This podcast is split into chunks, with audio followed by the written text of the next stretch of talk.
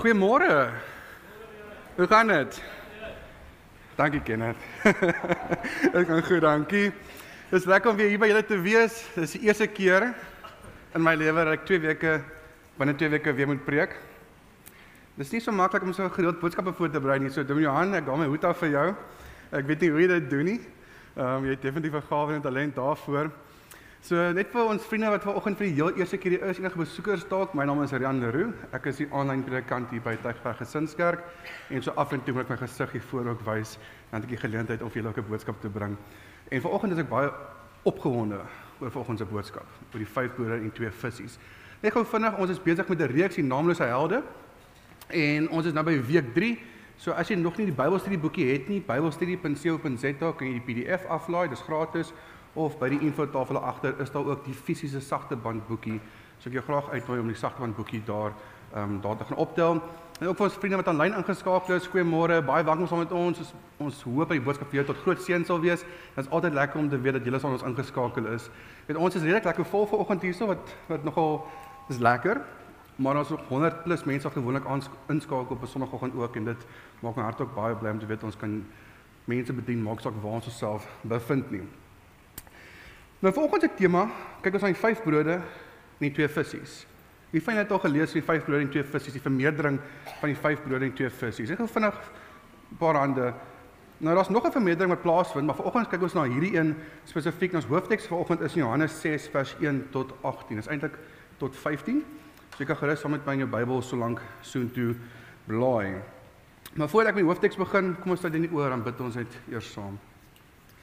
Vader, ons sê vir U dankie vir die woord. Dankie dat ons uit die woord uit kan leer. Here, dat vir ons gaan fokus op die vyf brood en twee visse en hier wonderwerke plase vind dit, Here. Is dit my gebed dat ons ook kyk wat ons hier kan leer en Here, dit wat ons leer dat U tot ons sal spreek, Here, dat U in ons harte sal uitwys dit is wat U vir ons wil leer vanoggend.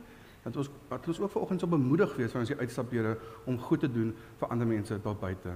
Amen. Amen. Al vriende Johannes 6 vers 1 tot 4. Dit is op die skerm, gaan gerus saam met my lees. Ons spring sommer dadelik weg. Hierna het Jesus na die oorkant van die see van Galilea toe gegaan wat ook die see van Tiberias genoem word. 'n Groot klomp mense het agter het agter hom aangekom omdat hulle die wondertekens gesien het wat hy aan die siekes gedoen het. Jesus het toe teen die berg opgegaan en met sy disippels daar gaan sit. Die Paasfees van die Jode was naby. Toe Jesus rondkyk sien en sien dat 'n groot klomp menigte mense na hom toe aankom, sê vir Filippus: "Waar kan ons brood gaan koop sodat die mense kan eet?"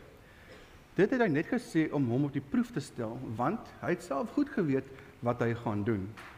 Filippus antwoord hom toe: 200 mense se dag is nie eens genoeg om elkeen van hulle 'n stukkie brood laat kry nie. 'n Ander disipel, Andreas, die broer van Simon Petrus, kom toe en sê vir hom: "Hier is 'n seentjie met 5 brode, 5 garsbrode en 2 visse. Maar wat is dit vir so baie mense?" Toe sê Jesus: "Laat die mense gaan sit." Daar was baie gras op daardie plek en die mense het gaan sit. Die man se leen was omtrent 5000. Daarna het Jesus die brood geneem, God daarvoor gedank en uitgedeel aan die mense wat daar gesit het en net so ook soveel van die vis as wat hulle wou hê. Nadat die mense verstadig was, sê hy vir die disippels: "Maak die stukke bymekaar wat oorgebly het, sodat daar niks verlore gaan nie." Hulle het dit toe bymekaar gemaak en daar was 12 mandjies vol met die stukke wat van die 5 garsbrode oorgebly het nadat die mense klaar geëet het. Toe die mense die wonderteken sien wat Jesus gedoen het, het hulle gesê hy is werklik die profeet, die een wat na die wêreld toe moes kom. Toe Jesus merk dat hulle hom met geweld wil kom koning maak, het hy verder die berg opgegaan, hy alleen.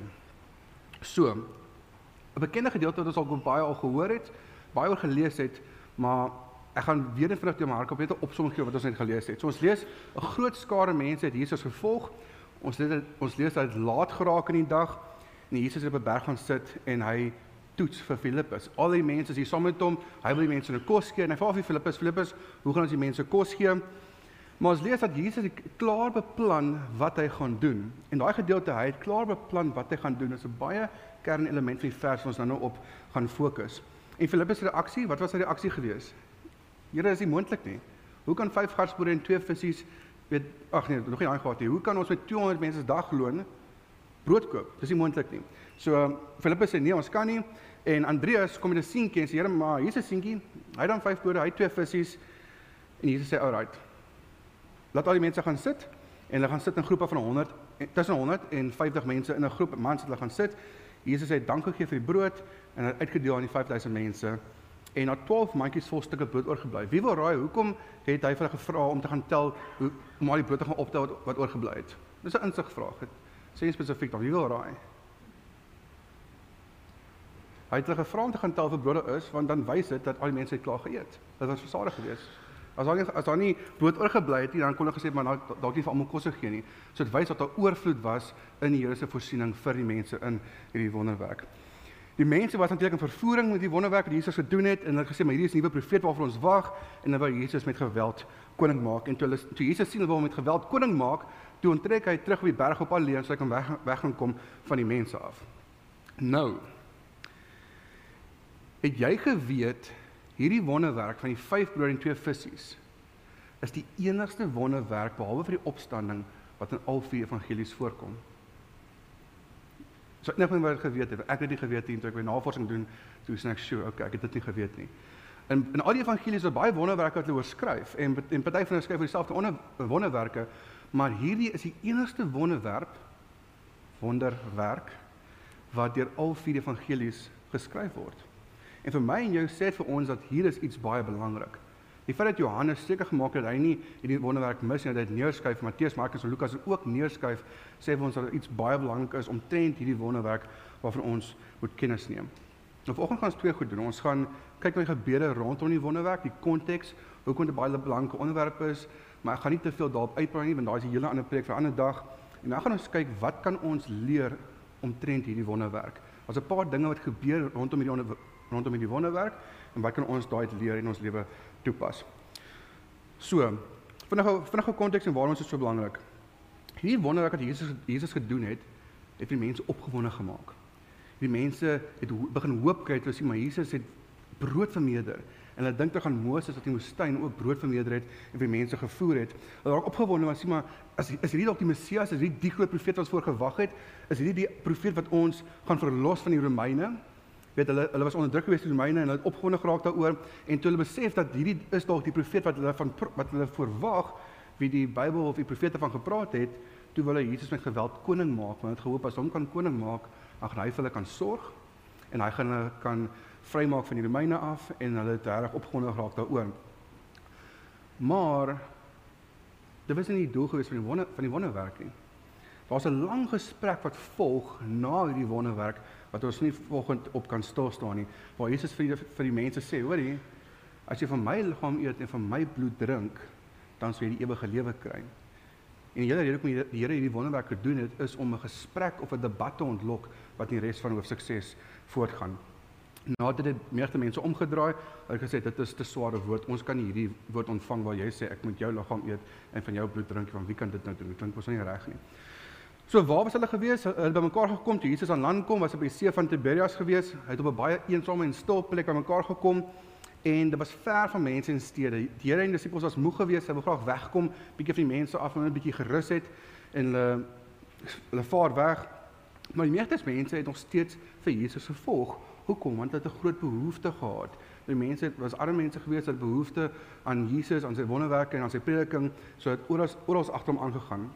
Die tyd wanneer hierdie plase vind, was amper Paasfees geweest. So bloed, vleis, lambrood, daai gedagtes, daai onderwerp is vas in 'n geheue omdat die Paasfees nou nou pas voor lê. Nou ons lees ook dat dit was net voor die tweede Paasfees gewees. En Johannes noem al drie Paasfeeste in Jesus se bediening. So omdat hierdie tweede net voor die tweede Paasfees was, kan ons uitwerk dat min of meer 'n jaar voor Jesus se kruisiging was. So dis die tydperk wanneer hierdie wonderwerk plaasgevind het.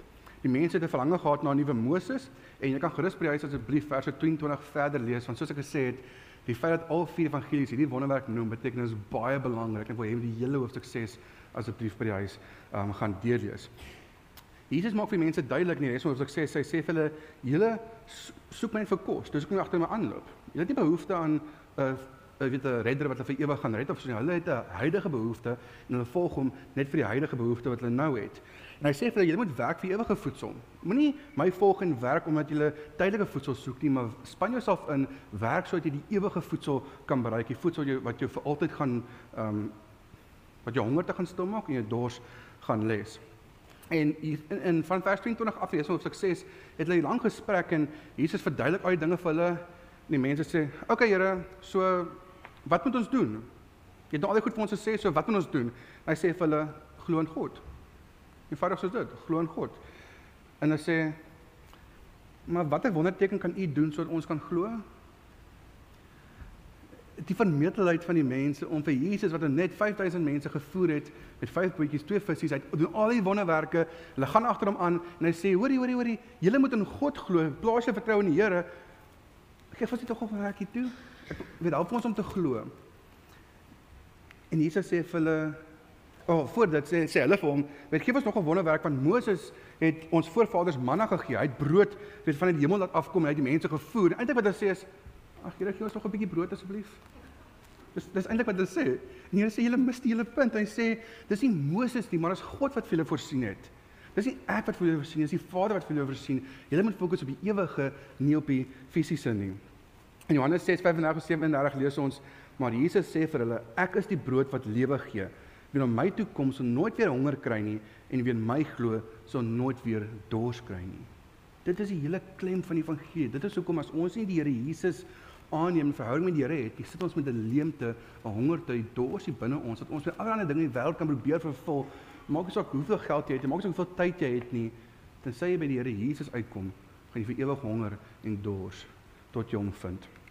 In vers 36 lees ons Jesus sê vir hulle, "Maar wat julle betref, ek het reeds gesê, julle sien my en tog glo julle nie in my nie. Elkeen wat die Vader vir my gee, sal na my toe kom en ek sal hom wat na my toe kom nooit verwerp nie." Daai vers 37 is so kosbare gedagte waar die Here Jesus vir hulle sê ek sal hom wat na my toe kom nooit verwerp nie. Daai is so 'n mooi vers wat vir my geloofsekerheid behoort te gee. Waar ek na die Vader toe nader, as ek na Jesus toe kom, hy gaan my nie wegstoot nie, hy gaan my nie verwerp nie. Ek is ewig vas in sy hande. Nou hierdie wonderwerk kom al vier evangelies voor. So om 'n volle prentjie te kyk, ons na al vier evangelies kyk om te sien wat het presies op daai dag gebeur. Nou ek gaan nie die verse lees nie, ek het 'n opsomming gemaak van die ander inligting by evangelies ook vir ons bysit. Ons lees in Matteus 14, dit was 'n stil plek gewees waar hulle bymekaar gekom het. Ons lees hier dat die mense het Jesus eintlik vooruit gegaan. Jesus het op 'n skei geklim, hy wou wegkom van die mense en terwyl hy besig was om die see van Tiberias te roei aan die ander kant toe, hoor die mense, hulle vra waar is Jesus? Waar gaan hy wees? En hardloop vooruit. Dit is seker ver en gewees, seker gestap of gedraf, ek weet nie. Maar hulle hardloop vooruit en toe Jesus aan land kom, hier staan al die mense en wag vir hom. Nou, ek weet nie van jou nie, maar my gemoed sal baie laag my skoene wees. As ek moeg is, ek is uitgeput en ek wil 'n bietjie rus kry en ek kom aan ek sê, "Oké, ek gaan nou familie wil gaan kamp hier. So ek wil gaan kamp, ek wil 'n bietjie rus en vrede kry." Ek kom daar aan en daar's nog 100 mense vir jou en wag. Ek kan indink hoe moet Jesus se disippels dalk gevoel het. Maar dan lees ons Jesus het die mense innig jammer gekry en hy het begin om dit te bedien en hy het die hele dag lank van die oggend tot die aand het hy tussen die mense gegaan en die mense gesond gemaak. Al die siekes onder hulle son gemaak. En dit is so 'n mooi gedagte dat die Here Jesus selfs terwyl hy eintlik 'n bietjie wil wegkom 'n bietjie te rus en sy disippels kans gee om te rus. Die Here se hart brand vir die mense en hy besluit nog steeds om dit te bedien. Hy sit sy rus op sy en hy bedien hulle en hy maak die mense ges, um, gesond. Ons lees ook dat hy mense eers wou weggestuur het in Matteus. In Markus Markus 6 lees ons dat Jesus en sy disippels wou eers 'n bietjie gerus het en ons lees dat Jesus stuur disippels om nog gaan kyk hoeveel brood hulle het. En Johannes kom Andreas net op, op en sien julle hier's brood. Maar ons lees in die ander in Markus dat Jesus hulle gestuur en gesê gaan soek vir brood. En in Lukas lees ons dat Jesus uiteindelik opdrag gegee om in groepe van 50 te gaan sit. En ek dink die hoofrede daarvoor is dit maklik om te tel. As mense in groepe van 50 is, as jy 5000 mense moet 1 2 3 4 5. So net 'n bietjie ehm um, konteks en oorsig daar daaromtrent. Nou, naamlik sê dis die on, on, dis die reeks waarmee ons besig is. Ons kyk na mense in die Bybel wat onbekend is. Mense wie ons nie weet wie hulle is nie, maar wie groot impak gehad het in die Bybel of in die wonderwerke of wie die Here gebruik het. In hierdie geval is ons naamlik se held 'n klein seentjie. Ons weet nie wie die klein seentjie is nie. Ons weet nie wie hy is nie. Ons het 'n naam nie. Ons weet nie waar hy vandaan kom nie. Asware ons weet niks van hierdie klein seentjie behalwe een ding en dit is dat hy 'n klein seentjie is. In die Bybel sê as 'n klein seentjie, Grieks daar is paidion of paidarion beteken 'n jong seentjie, 'n klein seentjie, heel moontlik onder die ouderdom van 12. So al wat ons weet is hier's 'n seentjie. Hy's baie jonk, baie klein en die Here gebruik hom om 'n groot wonderwerk te verrig.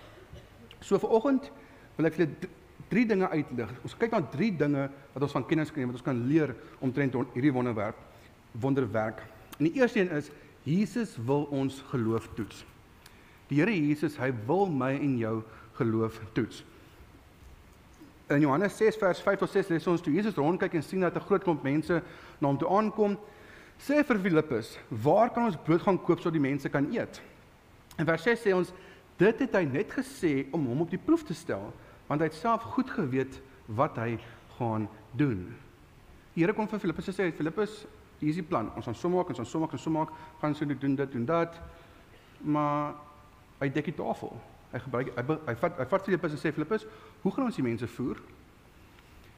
Maar as 'n rede kom hy Filippus vra. Filippus is van Bethsaida afkom afkomstig en Bethsaida was die naaste dorp gewees van hier waar die middel van nêrens is. Dit was die naaste dorp gewees en so Filippus was 'n local gewees. Hy word local kan gebruik. So hy het die area baie goed geken en hy het daarom die beste kennis gehad het vir waar om herberg te kry, waar hulle kan slaap. Hy het so geweet waar hulle kos kan koop, waar om waar om ons kos in hande kan kry. So hy is die beste ou om te vra. Hoorie, as ons 5000 mense moet voer, is Filippus die man. So ons gaan vir hom vra, Filippus, hoe kan ons dit reg? En die Here vra vir hom, hoe gaan ons dit doen? Maar Filippus sê vir hom, Here, dis nie moontlik nie. Dis te laat in die aand. Ons kan nie so vinnig brood koop nie. Ons het nie genoeg geld om so baie brood eers te kan koop nie. Weet, dit is net nie moontlik nie. Maar Jesus vra vir Filippus, wanneer wou Filippus se geloof toets? Filippus kon gesê het, Here, dis nie moontlik nie, maar wat beplan u? Wat gaan u doen? Weet, die Here toets hom, maar in plaas dat hy bietjie verder dink dat die Here hom dalk besig om te toets, maar hy hy behoort te weet Here is alomwetend. Hy sê Here, nee, dis nie moontlik nie. En hy kyk vas in die huidige omstandighede voor hom. En die gedagte wat ons hier kan lees dat God toets mense. God toets my en jou om ons geloof te versterk. Maar toets ons nie om ons in versoeking te lei nie. Ek gaan nou vinnig daaroor onderskeid tref. Sien vriende, is maklik om te sê ek glo. Dit is maklik om te sê ek glo in die Here. Dit is maklik om te sê ek glo in God. Dit is maklik om te sê my vertroue is in die Here, maar dit is 'n hele ander ding of 'n hele ander storie wanneer die tyd kom om dit te moet wys.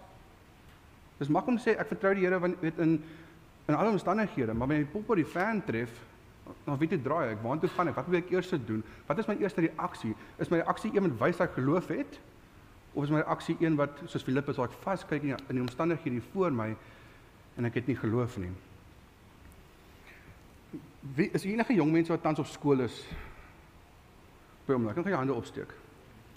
Wie was al in 'n skool gewees? Nou moet almal ten minste hande opsteek. Nou, ek is een van die mense wat gehou het van eksamens op skooltyd want ek het nie geleer vir my eksamens nie tot my ma se frustrasie. Ek het net in my boek geblaai. Eh, so okay, ek ken dit.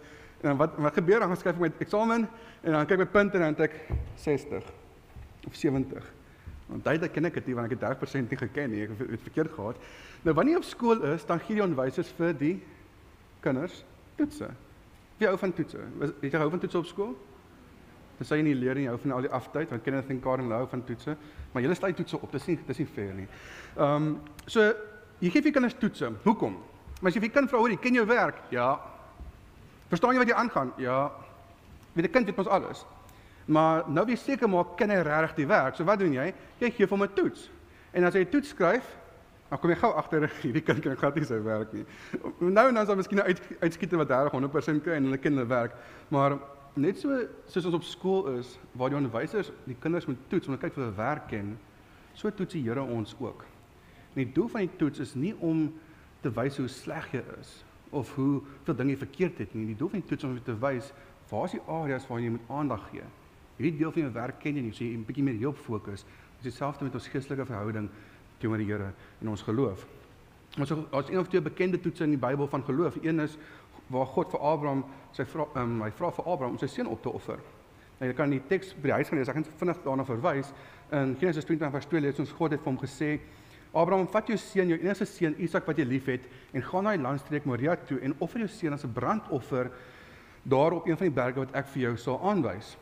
Nou Isak is sy geliefde seun seun gewees, is die belofte seun en deur hom gaan daar groot nageslag wees vir Abraham. So ek dink Abraham is baie lief vir hierdie ouetjie want wel dis 'n wonderwerk wat hier wat hier plaasgevind het en die belofte wat die Here vir hom gegee het rus op hierdie seun. Nou sê die Here oor hierdie ding wat vir jou die mees kosbaarste ding is in jou hele lewe, gee terug vir my. Gaan na die berg toe gaan offer jou seun vir my op. En wat het Abraham gedoen? Hy was gehoorsaam geweest teenoor die Here. Hy het sy seun opgevat op die berg en daarbo kom toe sê God vir hom: "Los jou seun, moenie iets aan hom doen nie. Nou weet ek dat jy my dien. Jy het nie geweier om jou seun, jou enigste seun aan my te offer nie." Jy sien, Abraham het geloof gehad. Maar hy het geweet God gaan sy belofte hou. Hy kan altyd vir hom nog 'n seën gee. Hy kan altyd seën wat die dood wil opstaan, wat ook die geval kan wees. So hy het vasgehou aan die belofte van die Here en hy het die geloof gehad dat die Here sy belofte gaan nakom, maak nie saak wat nie. So dis 'n baie groot geloofstoets wat Here hom deurgeplaas het. Nou wanneer jy boek Jakobus lees, Jakobus leer vir ons ons moet bly wees van God ons geloof toets. Ek weet nie van jou nie, maar wanneer dinge skeefloop, dan is ek nie soos, haha, prys die Here. Ooh, dit is moeilik. Hierdie gaan 'n lekker uitdaging wees nie. Voel julle so? Wanneer dinge skeefloop, wanneer dinge by die huis skeefloop, by die werk skeefloop, wanneer dinge regtig stikkend is, raak jy opgewonde en sê, "Sjoe, Here, ek het lanklaas gewag vir vir vir 'n uitdaging. Hierdie is 'n lekker toets wat nou voor lê. Alraai, hier gaan ons, hier gaan ons." Nee. Wat doen jy? Jou kamer toe. Sê, "Here, asseblief help my. Here, ek weet nie wat om te maak nie." Jakobus, hallo. Is jy met ons? Ons raak nie opgewonde wanneer dinge skeefloop nie. Maar Jakobus sê ons moet bly wees wanneer God ons geloof toets. Hoe kan Jakobus vir my en jou sê ek moet opgewonde raak, ek moet bly wees wanneer die Here my geloof toets? Dit klink nie normaal nie. Dit klink kont, ons sê kontra kultuur. Maar kom ons kyk wat sê Jakobus. Hy sê My broers, julle moet baie bly wees wanneer allerlei beproewings oor julle pad kom, want soos julle weet, as jy die geloof die toets deurstaan het, stel dit julle in staat om te volhard. So wanneer ek beproewings wanneer ek deur beproewings kom, dan help die Here my om te volhard. En die resultaat daarvan is die volharding moet end uit volgehou word sodat jy tot volle geestelike rypheid kan kom sonder enige tekortkoming. Jakobus sê jy moet bly wees wanneer jy geleentheid kry dat die Here jou deur 'n beproewing sit, wanneer dinge moeilik gaan, dat jou geloof getoets word want dis al hoe jou geloof groei. Wanneer jy getoets word, dan wil die Here jou opbou, jou geloof versterk.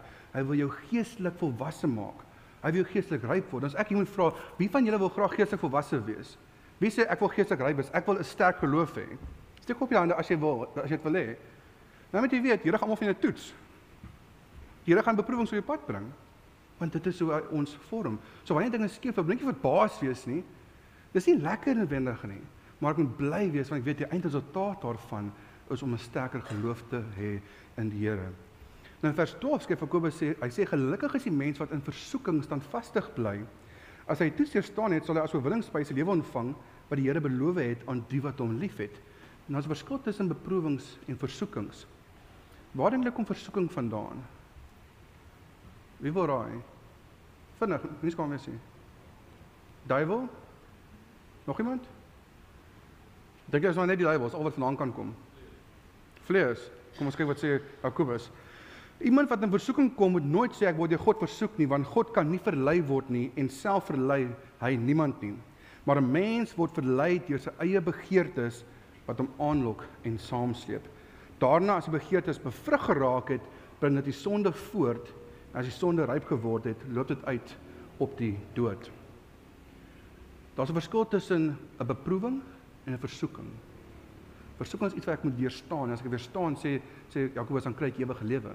Maar beproewing is iets wat die Here op my pad bring of iets wat die Here toelaat met die doel om my geloof te versterk. God wil ons geloof toets en versterk. Wat vir mense onmoontlik is, is vir God nie onmoontlik nie. En die Jesus wil Filippus se geloof toets. In die middel van nêrens vra Filippus, "Hoe gaan die mense voer?" Eindelik wat hy wil hê is Filippus moet sê, "Here, dis nie moontlik nie, maar vir U is dit moontlik. Wat gaan U doen?" Dis die reaksie wat die Here eintlik by Filippus soek en ek kry nie daai reaksie by Filippus nie. En die vraag wat ek volgende vir jou wil vra is, wat vra die Here vanoggend vir jou? Hoe wil die Here jou vanoggend toets? Wat is daar in jou lewe op hierdie oomblik wat in jou lewe aangaan waar jy weet hier is 'n moeilike situasie waarin ek sit en die Here is besig om my geloof te toets? En aanvaar ek hierdie toets of hierdie beproewing met blydskap of vermy ek dit? Probeer ek weghardloop daarvan want dalk is ek bang dat ek ek wil nie my geloof uitoefen nie. Dalk wil ek nie geloof uitoefen nie, so ek probeer die die situasie vermy, maar dalk is ons net bang om slaag in die toets nie. Ek weet jy wel so gevoel het, jy baie keer is jy in sekere omstandighede en jy voel dat jou geloof dalk tekort skiet nie, is eintlik bang dat jy nie genoeg geloof gaan hê nie en dat jy die toets gaan dop. Jy weet ons wil nie die Here teleurstel, weet ons dalk nie genoeg geloof in hom het nie. Maar ek wil vanoggend vir jou sê jy hoef nie bang te wees wanneer jy voel jy het nie genoeg geloof nie. Jy hoef nie bang te wees wanneer die Here jou in 'n beproewing sit nie, want die Here wil nie jou geloof beproef om dit te laat struikel nie. Hy wil jy hom nie toets dop nie. Hy doen dit want hy wil jou geloof opbou en versterk. So wanneer beproewings op ons pad kom, het die Vader goeie intensies vir my en jou en ons moet onsself daaraan herinner elke dag, veral wanneer ons besig is om deur beproewings te gaan. Die Here wil ons geloof opbou en nie afbreek nie. Dis 'n geleentheid vir groei. Nommer 2. Die tweede ding wat ons leer rondom die vyf broere, die twee visse en dit is Jesus wil jou gebruik om ander mense te seën. Die Here gebruik my en jou om 'n seëning te wees vir ander mense. Johannes 6 vers 8 lees ons 'n ander disipel, Andreas, die broer van Simon Petrus, sê toe vir hom: "Here, hier is 'n seentjie met 5 garspore en 2 visse, maar wat is dit vir so baie mense?" Ek sien vriende, wanneer ons die Bybel lees, die Evangelies lees, dan sien ons dat die Here is geneig om mense te betrek by sy wonderwerke. Hy is geneig om mense te gebruik. Hy gebruik mense om ander te seën. Hy gebruik mense wat wat uh, mense huisves of wat kos gee of wat wat geld gee of klere gee. Hy gebruik mense om die wil van die Vader te doen en wanneer hy wonderwerke doen, dan preek hy ook aan betrek. Hy betrek hy baie keer disippels ook om sodat hulle instrumenteel kan wees in die wonderwerk soos ons hierso sien. Jesus kon gesê het, "Alright, almal sit. Ek gaan nou vir julle kos gee." Maar hy doen dit nie. Hy sê vir die disippels, "Hoor, gaan uit, gaan soek kos." Hoekom het hulle kos aan soek? Hulle weet klaar wat hy weet klaar wat voor lê, maar hy gebruik die disippels. In die geval is daar 'n klein seentjie wat voor in dag kom met die vyf broodjies en twee visse. Dis nie baie nie. Maar die Here kies om hom te gebruik. Hy hoef nie eers te genoem het nie. Hulle hoef die seentjie eers vorentoe gebring het nie, maar die Here kies om hom te gebruik want hy wil wys dat hy mense gebruik om om ander mense te seën. Hy betrek die disippels of weet hy klaar wat hy gaan doen. As lees tot Filippus vra toe toets hom, hy weet wat hy gaan doen. Hy kom gesê, hoorie, daar agter is 'n klein seentjie en vyf brode, haal hom gou vir my asseblief. Maar wat doen hy? Hy gee nie vir hom die antwoord op die beskingbord nie. Hy sê vir hulle gaan soek eers vir die brood. Markus sê stuur hulle eers uit. Ons lees daarso in vers 38. Hy vra vir hulle, "Hoeveel brood het julle?" Gaan kyk. Nadat hulle gaan kyk, het sê hulle 5 visse, ag 5 brode en 2 visse. So Here wil ons gebruik. Hy wil my en jou gebruik om wonderwerke te doen, om 'n seëning te wees vir ander mense en wil ons gebruik binne in sy koninkryk. En wat Jesus eintlik hier doen is, dit was nie nodig gewees om vir te sê, "Hoor, jy gaan soek eers 'n bietjie brood nie." Weet laat my dink baie keer in Frans Here vir 'n wonderwerk, ons vra vir Here vir 'n deurkoms, maar dan wil ons hê hy moet ons op 'n skinkbord gee, maar die Here eintlik wil ons moet begin loop. My ouma het altyd vir my gesê toe ek jonger was, sy sê, "Weet, jou geloof is soos 'n 'n 'n fiets, trapfiets. As jy stil staan, Here kan hy stuur wil draai, maar jy gaan nêrens nie. Jy moet beweeg." Here wil jou gebruik in beweging. Soos jy trap, dan gaan jy balans reg op hou, dan kan die Here die stuur wil draai. Selfs in 'n boot.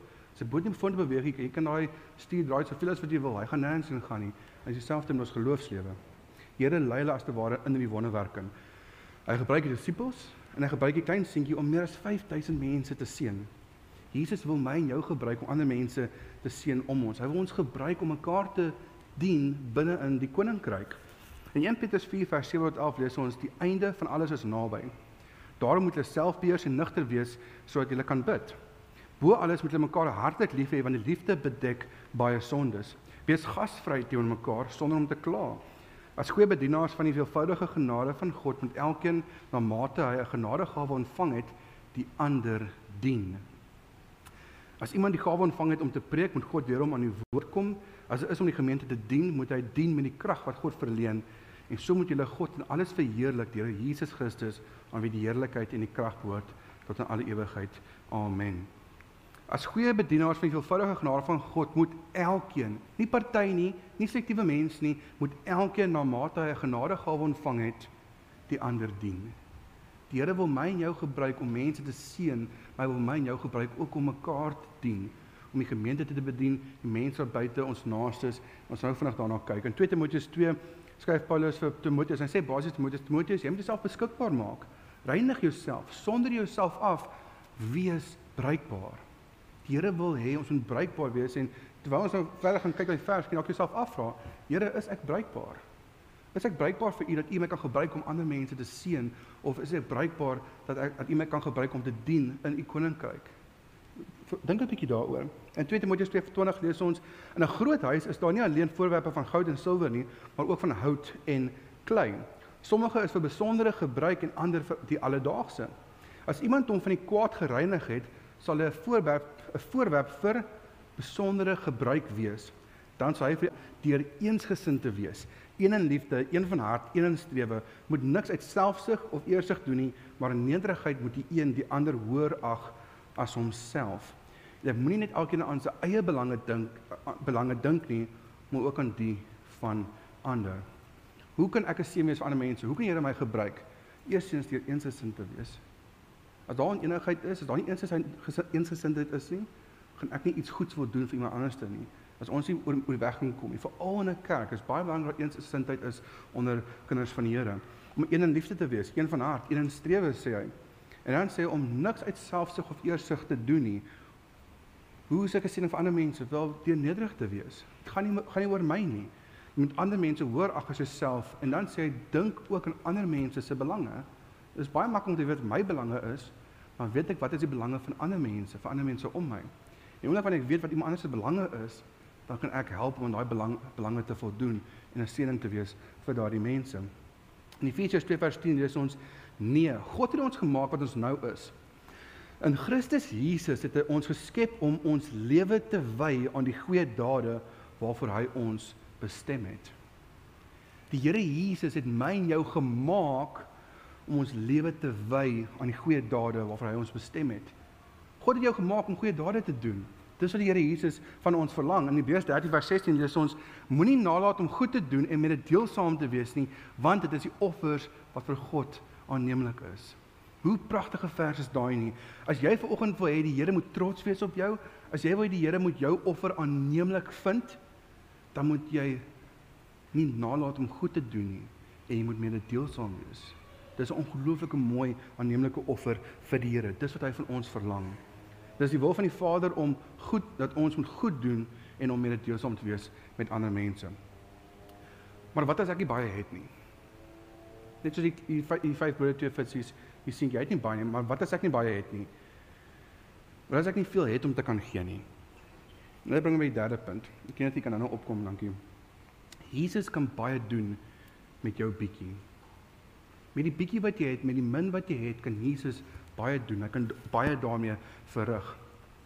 Weet baie keer dink ons maar dit is regtig nie goed genoeg nie, maar Here kan baie meer doen as wat ek kan indink, maar net dit as wat ek as wat ek kan besef. Dalk het jy volgende tekort aan geld dalk kry jy finansiëel swaar. Dalk het jy 'n paar uitdagings in jou lewe en jy sê maar ek kan nie geld gee nie want ek het self nie eens genoeg geld nie. Dalk het jy nie genoeg tyd nie. Dalk het jy geen reserves nie. Jy het nie tyd om dalk te kom dien in die kerk of in die gemeenskap te gaan help of om ander mense te help wat dalk swaar kry om jou nie of dalk is jy net emosioneel uitgeput. Ek dink en ek dink baie keer val ons dalk in derde kategorie waar ek sê ek het net emosionele kapasiteit nie. Ek is so besig met die werk, met met lockdown werk ons ons al die af van die huis af en oral en ons is regtig al soveel op ons bord en soveel dinge wat aangaan en ons baie probleme ook en alles en ons ons is net moeg. Partykeer het ek net nie genoeg krag om dalk iets te kan doen nie. Maar wat ook al jy van het wat te min is, vir die Here is dit baie. Die Here kan baie daarmee doen. Ek moenie terughou nie. Ons besef nie die impak nie Solank ons net getrou is. Hierdie klein seentjie, hy was getrou geweest. Hier sê hy, sê hier's 'n seentjie met 5 garsbrood en 2 visse. Maar wat is dit vir so baie mense? Here, dis net 5 broodjies. Dis net 2 visse. En Here sê eintlik, watch this space. You ain't seen nothing yet. Vir jou is dit min, maar ek kan baie daarmee doen.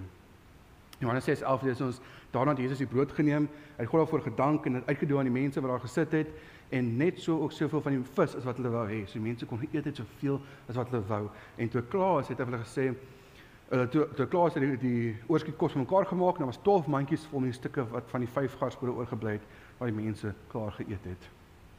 Ek dink nie die klein seentjie het gedink dat my vyf broodjies gaan daar 12 mandjies vol oor wees aan die einde nie. Maar hy was gewillig om dit vir die Here Jesus te gee en die Here het baie gedoen met die bietjie wat hy op die tafel kon sit. sien vriende, Christene, ons as kinders van die Here, ons behoort gekenmerk te word deur 'n oop hand en deur ons vrygewigheid. Christene behoort daardeur gekenmerk te word. Maar partykeer is die probleem nie omdat ons nie baie het om te kan gee nie, die probleem is ek is nie gewillig om te gee nie. Partykeer is ek nie lus om te help nie. Ek is nie bereid om te help met 'n bietjie wat ek dalk het nie. Of dalk dink ek dat dit wat ek het is so min. Jy weet, ag, dit is so min, gaan nie verskil maak nie. So wat help dit? Ek, ek gaan nie oor so niks doen nie, want dit gaan nie verskil maak nie. Dit is nie regte gesindheid nie. Wat help ek bied my tyd aan om te help in die kerk of in die gemeenskap? Daar's mos genoeg hande wat kan help. Dis nie waar nie.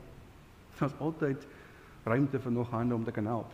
En alhoewel ons hier by ons eie gemeente nie meer so baie werk het soos wat ons in skoolsaal was nie, is ons steeds hande nodig.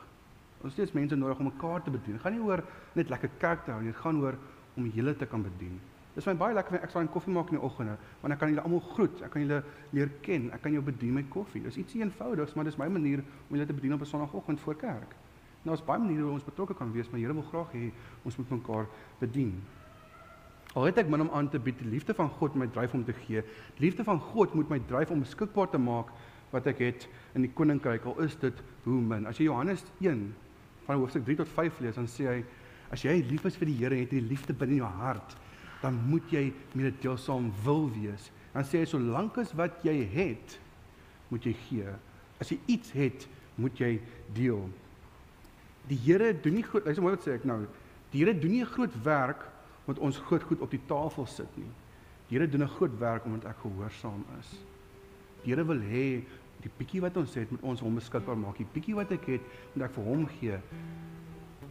Die mense wie Jesus gevolg het, was arme mense gewees. Die mense was reg behoeftig gewees. Hulle was siek gewees en hulle was sonder hoop gewees. Hulle het gesoek vir 'n verlosser, gesoek vir 'n redder. Hulle het gewag vir die nuwe Moses, die nuwe profeet. En Jesus bedien hulle die hele dag lank. Hy kom na aan, hy's moeg, hy wil rus. Hy sien die mense en hy sit sy moegheid op sy en hy sê vir die disippels, "Met ons gaan die mense bedien." En 'n hele dag spandeer hy en maak die mense gesond. Hy kry hulle innig jammer. Hy besluit om vir mense se sorg en nie om op hulle leë maag huis te stuur nie. En Jesus stel vir my en jou die perfekte voorbeeld van hoe ons gesindheid behoort te wees teenoor ander mense. En ons kan afsluit met 'n paar gedagtes vir onsself en dit is hoe lyk my gesindheid teenoor die behoeftiges daar buite? Hoe lyk my gesindheid teenoor mense binne in die gemeente wat behoeftig is? Kyk hoe die persoon links en regs van jou. Draai gou vinnig links en regs. Weet jy hoe gaan dit met daai persoon wat langs jou sit vanoggend? Weet jy hoe gaan dit met daai persoon wat langs jou sit? Dalk daai persoon se werk verloor hierdie week. Dalk daai persoon het genoeg kos by die huis nie. Maar ons weet dit nie. Ons kom vinnig in, ons hou kyk ons is weer uit. Ons is nie ingestel om die mense om ons te leer ken en te vra, "Hoerie, hoe gaan dit met jou? Hoe gaan werk ek met jou nie?" Dis 'n gesindheid wat ons moet hê om om mekaar te bedien binne die gemeente, jou naastes, jou naaste se behoeftes. En hoe is my gesindheid teenoor gesindheid teenoor die kerk? Hoe is my gesindheid teenoor die kerk se behoeftes waar ons die taak het om die evangelie te verkondig en die woord uit te dra daar buite? En hoe is my gesindheid teenoor die Here en die woord van die Here om hom te gehoorsaam en om te help disippels maak? Die Here wil en kan gebruik wat ek en jy het, al is dit hoe min, maar vriende, dit wat ek en jy het, Dis nie myne nie. Dis nie joune nie. Dit behoort aan die Here. In Prediker sê in Prediker lees ons vir party mense het min gegee, vir party mense die Here baie gegee. Maar wat ons het, het hy vir ons gegee om te geniet. Hy sê ons ons vertroue bly in die Here. In 2 Korintiërs 9 vers 10 is 'n mooi vers en toe gister toe sê ek dink aan die Ronel het hier op Facebook geplaas en ek het sien dog ek haai Dis nou eintlik mooi want ek sluit af met hierdie vers en in 2 Korintiërs 9 vers 10 skryf Paulus hy sê God wat saad verskaf om te saai en brood om te eet sal ook aan julle saad gee en dit laat groei en julle vrygewigheid ryk oes laat oplewer. Paulus sê hulle ons die feit dat ek saad saai Die feit dat ek oop hand het vir mense buite, die feit dat ek evangelie dalk verkondig, die feit dat ek geld gee, dit maak nie dat daar 'n opbrengs gaan wees nie. Dit alleen maak nie dat iets gaan gebeur nie. Hy sê dis die Here wat die saad laat groei. Dis die Here wat die werk doen. Wanneer ek mense om my bedien, ietsie kleins soos net om vir iemand te bid, kan nie wêreldse betekenis vir daai persoon hê. Ek weet nie wat in daai se hart aangaan nie. Dis die Here wat die werk doen, nie ek of jy nie. Vyf brode en twee visse, vriende, dis nie veel nie, maar hierdie klein seentjie het gegee wat hy het. Ons kan net doen wat binne ons vermoë is, maar die Here is die een wat die wonderwerk maak gebeur, nie ek en jy nie. Wanneer ons evangelie deel, wanneer ons saad saai, wanneer ons iets iemand bemoedig, Dis nie ek wat daai persoon tot bekering lei nie. Dis die Here en die Gees van die Here binne hom werk wat hom tot bekering lei. Die Here wil net hê ek en jy gehoorsaam wees en betroubaar wees. Kom ons maak vanoggend 'n punt om soos hierdie naam is 'n seentjie klein held te wees in ons gemeenskap, 'n klein held, 'n klein held te wees, 'n naamlose held in die mense se lewens om ons. Nou soek 'n geleentheid waar die bietjie wat ek het, dat ons vir die Here kan gee en dat hy mense daarmee kan bedien. Amen. Kom ons lê oor met ons saam.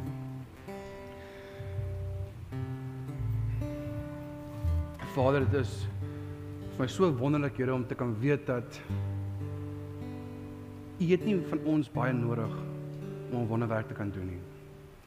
Here, gaan nie oor hoe grand ek is nie, gaan nie oor wat ek op die tafel kan sit nie, dit gaan oor dat ek net getrou is teenoor U, Vader, en gehoorsaam is teenoor U. Here, U is die een wat die wonderwerk doen. U is die een wat die saad gee. U is die een wat die saad laat groei, Here, maar ons werk is om te saai. Here, ons werk is om te deel. Ons werk is om te dien. Here is my gebed vir oggend Here dat dat ons so lief sal wees vir U dat die, dat die liefde wat ons vir U het, daai liefde ons sal dryf Here om vir mense om ons lief te wees, Here, om mededeelsaam te wees, om vriende te wees, om eensgesind te wees mekaar, om mekaar te dien, maar ook om uit te kyk vir mekaar se behoeftes, Vader, om sensitief sal wees vir ander mense se behoeftes daar buite en dat ons nie so nalat om goed te doen, Here, en dat daai offer wat ons vir U bring vir U aanneemlik sal wees. Gaan met ons steeds van die week Vader waar ons terugkeer huis toe waar ons werk, op skool, waar ons self bevind, Here dat ons 'n geleentheid sal soek om goed te doen in die wêreld daar buite. Dat ons U liefde en U genade vir mense ook op buite kan wys. Ons sê vir dankie dat U vir ons daai voorbeeld gestel het. Here, help ons om bruikbaar te wees. Ons wil beskikbaar wees vir U koninkryk. Amen. Amen. Vriende, kom ons staan en sing ons die laaste lied saam met Kenneth hulle.